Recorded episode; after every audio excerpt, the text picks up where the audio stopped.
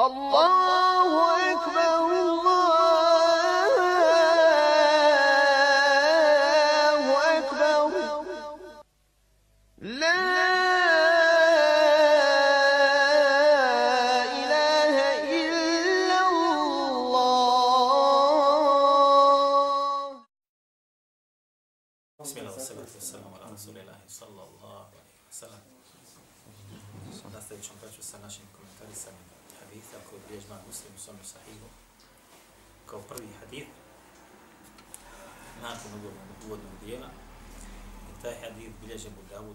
Dawud sunenu i Tirmidhi u svome sunenu i Nesai također u svome sunenu i Ibn Mađe također.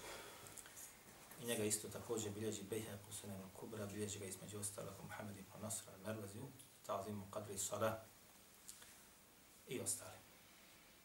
I mi smo jedan dio njega već prokomentarisali i došli smo do govora, znači, kada je Džibril alaihi salam upitao Allahu poslanika sallallahu alaihi wasallam o imanu. Ali ćemo se vratiti još samo malo gore, pošto to je jedna carina. Ovaj, gdje je Džibril alaihi salam pitao Muhammeda sallallahu alaihi wasallam o islamu. I rekli smo da je došao da ga ashabi nisu prepoznavali, tako? Nisu znali u kome se radi.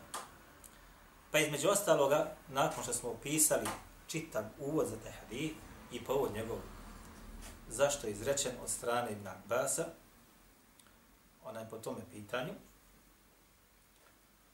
između ostaloga smo rekli, Ibn Omera, pa smo između ostaloga rekli onaj, da je Džibril alihi salam rekao Allahom poslaniku sallallahu alaihi wasallam, ja Muhammed ahbirni anil islam. O Muhammede, obavijesti me o islamu, pa smo rekli da Allah poslanik sallallahu alaihi wasallam rekao, fa kala Rasulullah sallallahu alaihi wasallam, الإسلام أن islam an لا la ilaha illallah, wa anna رسول Rasulullah, wa الصلاة وتؤتي wa وتصوم zakata wa tasuma ramadana wa إليه سبيلا istata'ta sabila. Pa smo rekli da Allah poslanik sallallahu alaihi wa sallam rekao islam je da svjedočiš i pojasnili smo šta znači ovo svjedočenje ako se sjećate u našem onaj predprošlom.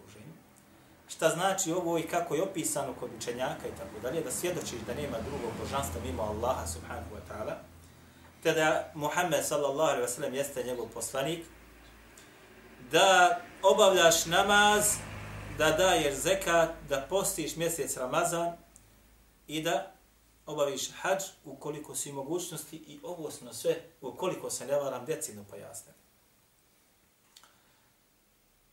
Faqala sadaqt, pa je rekao Džibril alejhi salam nakon što je čuo govor Allahu poslanika sallallahu alejhi ve sellem, kaže rekao si istinu. Pa je rekao Omer fa'ajibna lahu. Pa smo se kaže začudili njemu. Jes'eluh wa yusaddiquhu kaže pita ga a zatim potvrđuje njegov govor jer vi znate insan kad pita nekoga da mu da ono što ga muči da mu odgovor na pitanje ne zna otprilike to pitanje. Ali ovdje je upitao a zatim kaže da istinu si rekao. Zato su oni bili zbunjeni začudjeni sa načinom ovim koji prvi puta vide. A poslije ćemo se inšala dotaknuti zbog čega je to na kraju samog hadisa Faqal akhbirni anil imani. Pa je rekao, dobro, obavijesti me sada o imanu. Naučili smo sad šta je islam. Obavijesti me kada sada o imanu. Pa kaže Allah poslanik sallallahu sallam an tu'mina billahi wa malaikatihi wa kutubihi wa rusulihi wa yawmil akhiri wa tu'mina bil qadari khayrihi wa sharrihi. Iman je kaže da vjeruješ šta? U Allah. Gore da svjedočiš da nema drugog božanstva, znači da vezan za ibadete, ovo je imanska stvar. Nema drugog božanstva mimo Allah, da vjeruješ u Allahu stvari. Da vjeruješ u Allah. Da vjeruješ u njegove šta? Meleke. Ovo su stvari koje smo učili što kažu u Mektebu. Njegove knjige koje je poslao poslanicima, da vjeruješ u njegove poslanike koje je poslao, odnosno knjige koje je spustio i objavio poslanicima, poslanike koje je poslao da vjeruješ u sudnji dan. A ovo malo ko vjeruje. Jer da insan vjeruje iskreno u sudnji dan, što kažu bio bi 24 sata na seđdi. I da vjeruješ, kaže, u el qadar, u Allahu wa Đalešanu određenje, a rekli smo da je uzrok svega ovoga bila dvojica ljudi koji su došli iz Basri pa su pitali o stvarima koje se dogodile u Basri, ako se ne varamo, pojasnili smo to. I da kaže, vjeruješ u kader, a to je Allahu određenje, u onome što je određeno od dobra i onome što je određeno za tebe od, od zla. Sve moraš prihvatiti.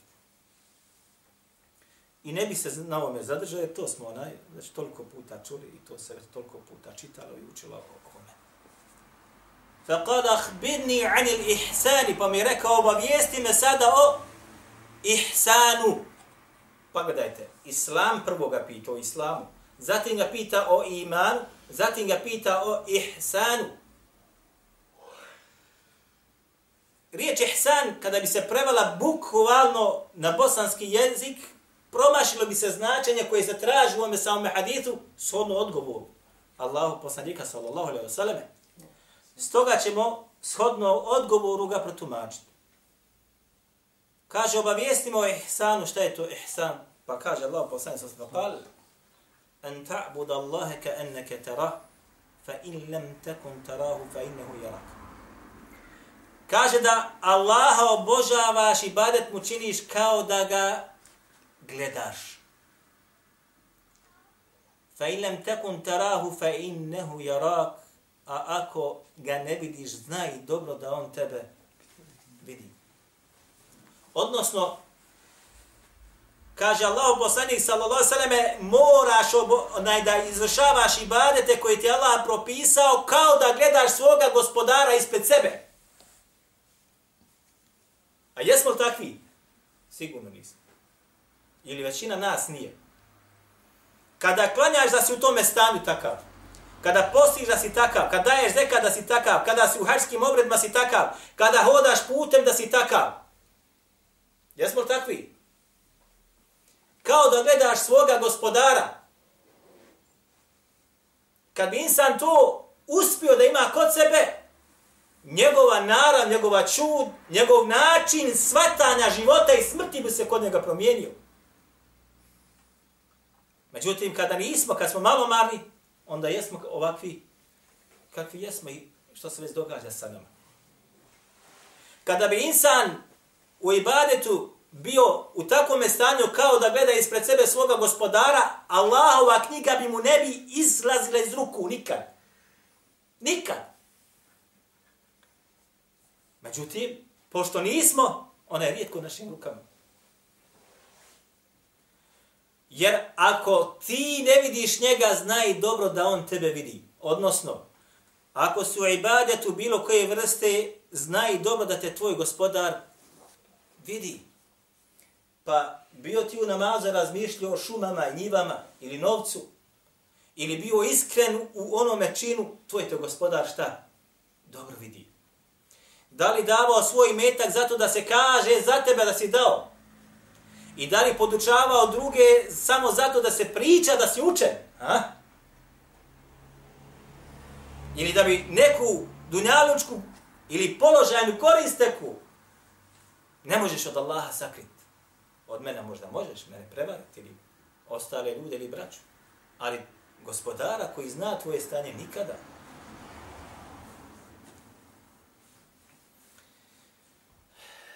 قال أخبرني anisa.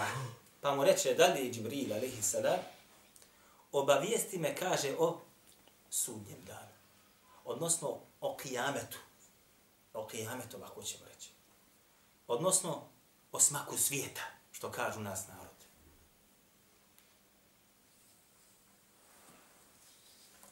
E, ovdje sad dolazi nešto što je malo prisutno kod nas. Kaže Allah poslanik sallallahu alaihi wasallam sada Džibrilu, bit će tad i tad, jel? Jel mu rekao? Ko zna šta mu je rekao? A, upitanima, Mel mes'ulu anha bi a'leme mine sa'i. Kaže, onaj koji je upitan, ništa bolje ne zna od onog koji pita. Odnosno, ja ne znam kad će biti. A ne znaš niti kad će biti. Ovo kaže ko poslali za Džibrilu, odnosno niko ne zna kada će sudnji dani doći. Dva najbolja roba, jedan od meleka, drugi od ljudi, dva najčasnija, dva koja su kod Allaha Đelešanu najodabranija, ne znaju za njegovo vrijeme kad će doći. A postoje ljudi koji, koji znaju kad će biti sudnji dan. Napišu knjigu o tome. Subhanallah. Mel mes'ul mel mes'ulu anha bi a'lama min as-sa'il kaže onaj koji je upitan ništa bolje ne zna od onoga koji pita. Jes'alunaka 'ani as-sa'ati ayyana mursaha. Pitaju te kaže kad će sudnji dan? Kul innama ilmuha inda rabbi. Kaže na Allah šanu reci stanje ili znanje o sudnjem danu je kod gospodara nebesa i zemlje u drugome kod Allaha Đelešanu. Kul innama ilmuha inda Allah. Reci, kaže, njegovo vrijeme kad će da bude jeste ili znanje o tome postoji samo ili je samo kod Allaha subhanahu wa ta'ala.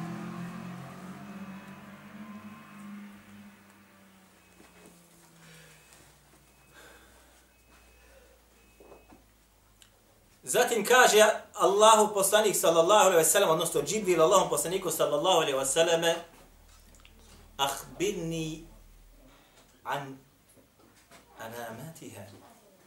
Obavijesti me kaže o alamat o predznacima sudnjega dana. Koji su predznaci? Ne znaš kad će sudnji dan da bude. Obavijesti, kaže me, o predznacima sudnjega dana.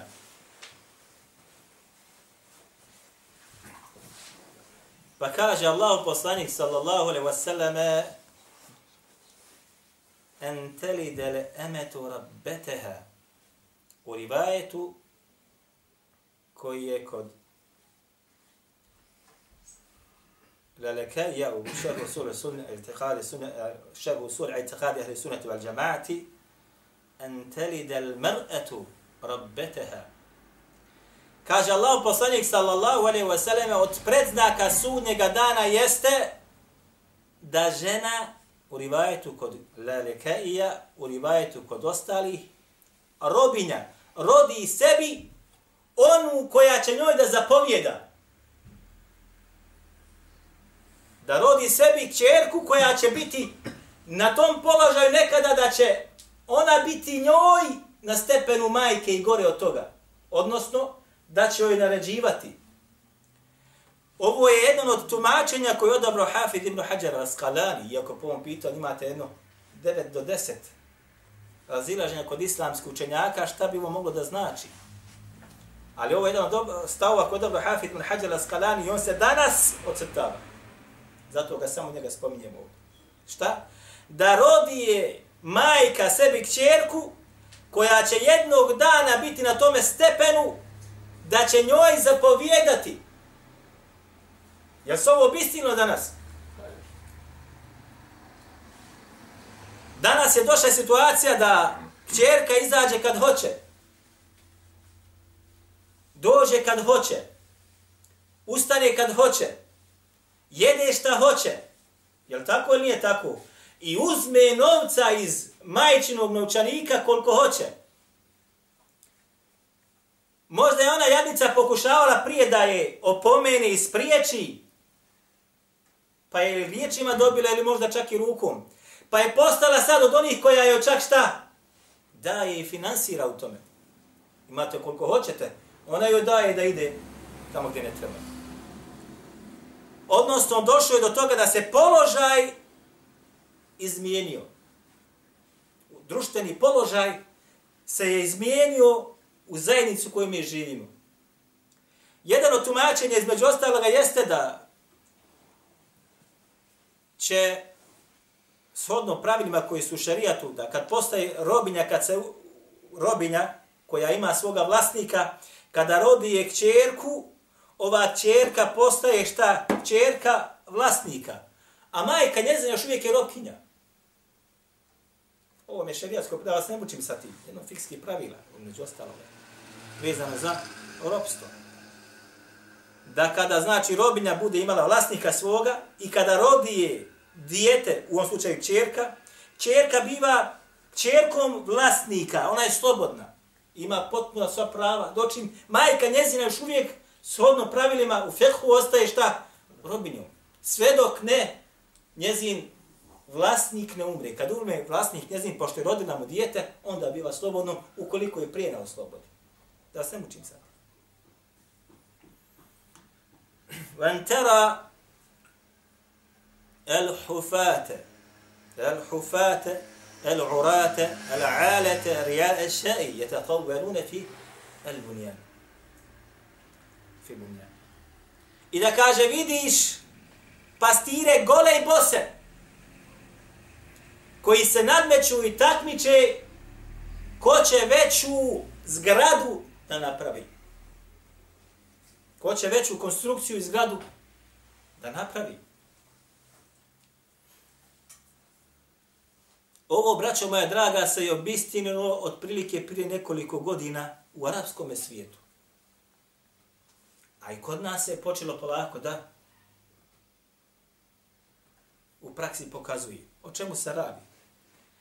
Naime, vi koji ste bili na hađu, u zadnje, pogotovo u zadnje vrijeme, jeste li vidli kolike se zgrade u Mekki pravi? Hm? Ko je bio zadnji puta? Najnovije. Dižu se zgrade u velike visine. A poznato je da je arapski između ostaloga zaljevski narod, kakav narod? Narod koji je predat pustinji. Narod koji je živio uvijek od pustinji, u pustinji. Između ostalo kralj Fahad kad su mu prijetili da će da su sankcije napravi da, da, će, da, će ga, da će mu raditi ovo, da će mu raditi ono, kad je on zavrnuo naftu, on je rekao mi smo narod šta? Narod pustinje koji živi od datula i devina mlijeka. Ovo je nekad bilo. Kada je na vlasti bio onaj koji je kako treba. On je vraćao ubijen. Dan, danas ko biva nije sodgonetno koga je ubio. Ko biva. Dotim danas Arapi nisu u stanju da jedu bez onoga burgera. Kako se zove onaj? Onaj hamburger i oni, oni, ej, McDonald's i ostalo. Nisu u stanju. Vi ćete naći da najveći stepen gojaznosti u svijetu čitavom se nalazi gdje? Sodno, sodno broj stanovnika. U zaljevskim zemljama.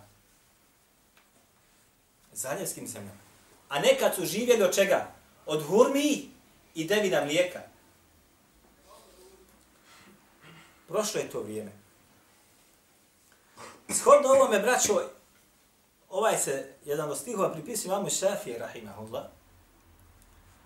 Ovo se zove, kaže, među ostalo, kaže oni, inklabat, da će se stanje i vrijeme da mijenja situacija, će se promijeniti. Ono što je bilo dole, bit će gore. Ono što je dole, bit će ono što je gore, bit će dole i tako dalje. Kaže mu Šafije, rahimahullah, temutul usdu fil gabati džu'a, wa lahmu da'ni ta'kuluhu al-kilab. Kaže, umiru lavovi u šumama od gladi, a meso, što bi rekli sitne stoke, psi jedu. Vazu džehli jenamu ala haririn, vazu ilmi mefarišuhu turabu. Kaže između ostaloga, a neznalica kaže spava u svili i kadifi, a onaj koji je učen, njegova postelja je prašina. Ovo je bukvalni prevod, ali ćemo morati malo da protumačimo. Nesvatljivo je, je tako da lavovi umiru u šume? Šume su znači pune životinja.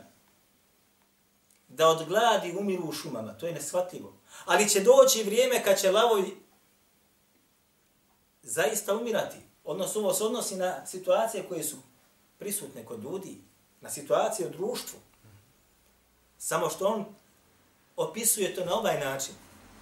A kaže, psi jedu meso sitne stoke. To je posao koga? Lavova. Lav jede stoku, jede divlje životinje i tako dalje. Ali će doći vrijeme kad će oni od gladi da umiru. A na njihovo mjesto će doći psi skitnice koji će da se gozbe sa onim što su juče lavovi jeli. Pojmate li ovo? Međutim, kako kažu islamski učenjaci, lav makar umro, kaže umro je lav. A kad pašće crkne, kažu crklo je šta? Pašće. Pašće je, pašće uvijek. A lav je uvijek lav, makar od gladi umro. Tako i da kaže sa društvom i ljudima o njemu. Makar bio zatvoren, makar ne imao šta da jedeš, ali ti si lav, ako si kako treba. A na tvoje mjesto će doći oni koji nisu na tome stepenu. Oni su poput pasa koji samo zbog hrane su se tude okupili. A na kraju krajeva kada se preseli, preseli se shodno tvome stvarnome stanju i onome što u srcu i od dijela imaš. Pa kad se kaže umro je lav, znači umro je onaj koji bio kako treba. A crklo je pašće, džaba što si bio na položaju. I džaba što si lijepu hranu jeo. Tvoje stanje je takvo. Zatim kaže dole dalje, neznalica spava, odnosno opisuje stanje, neznalica spava u svili i kadifi. A onaj koji je učen na prašini spava ili njegova postelja je prašina. Situacija je tada nekada bila takva, danas više takva situacija nije vraća. Danas oni koji imaju znanje u arapskom svijetu, jedni, imaju dvorce, braćo. Dvorce koje bi se postidio najbokatiji bosanac da ima. Ja to svojim očima gledao. Kada sam bio u Jordanu, između ostalog, jedan od šehova mi stalno govorio da posjetim jednog muhaditha. I stalno mi govorio da idem sa njim. Ja sam, hvala Allahu, stalno odbijao. Zašto? Zato što ima sagrađen dvorac. Dvorac ima sagrađen. A juče je bio ništa. I situacija je takva i kod nas ovdje danas. Isto to se vam preslikava kod nas. Da onaj ko ima znanje više nije što se kao, kao kaže mamu šafi da umire na postelju od praha ili da je njegova postelja od praha i zemlje naproti danas je to drugačija vremena. Zatim kaže na kraju Omer radijallahu anhu, jer on ovaj hadith prenosi Suman talaqa, kaže zatim je otišao. Famekethtu melija, kaže Omer, u rivajetu Budadu, femekethe melija. Pa sam, kaže, ostao melije, znači dugo vrijeme je prošlo dan, dva, tri, u rivajetima da je prošlo tri dana, odnosno tri noći. Fekale Rasulullah sallallahu alaihi wa sallam, pa je rekao Allah poslani sallallahu alaihi wasallam, ja Omer, etedri men sa'il. Pa je rekao Omer, da li znaš ko je onaj čovjek bio što je pitao na pitanja? Kaže Omer, Allahu wa Rasuluhu a'lam. Allah i njegov poslani, kaže to, najbolje znaju. Fa innehu Jibrilu etakum yuallimukum dinakum. To je, kaže, bio Džibril, alaihi salam, došao je da vas poduči vjeri. E, kaže ovdje, došao je da vas poduči čemu? Vjeri. Čitava, što bi rekli mi, ili osnova ove vjere sadržana je na ova gore tri temelja koje smo spomenuli. Islam, iman i ihsan. A zatim je dole spomenuto šta? Znakovi sudnjega dana, odnosno da budeš u stanju da kad, budeš, kad budu došli da i prepoznaš da se to vrijeme šta približilo, da pripremiš sebe, da pripremiš svoju porodicu na vrijeme koje je samo što nije nastalo. A šta je to? Smak svijeta. Odnosno, ako čak ne budeš dočekao duge godine svoga života, blizu je smak svijeta, pretećete možda u tome, nespremno ćeš to da dočekaš. Mi smo završili sa ovim hadithom. Ovaj hadith je između ostaloga drugi hadith koji bilježi imamo nevevi u svojih 40 haditha. Pa ćemo, inša Allahu ta'ala, u našem sljedećem druženju krenuti sa trećim hadithom koji je kod imama nevevi u svojim djelu, njegovom djelu Arbaun ili 40 haditha, a taj jedan haditha bunje l-islamu ala hams. Islam je sagrađen na pet stvari. Aqulu qavli hadha wa astaghfirullaha li wa lakum.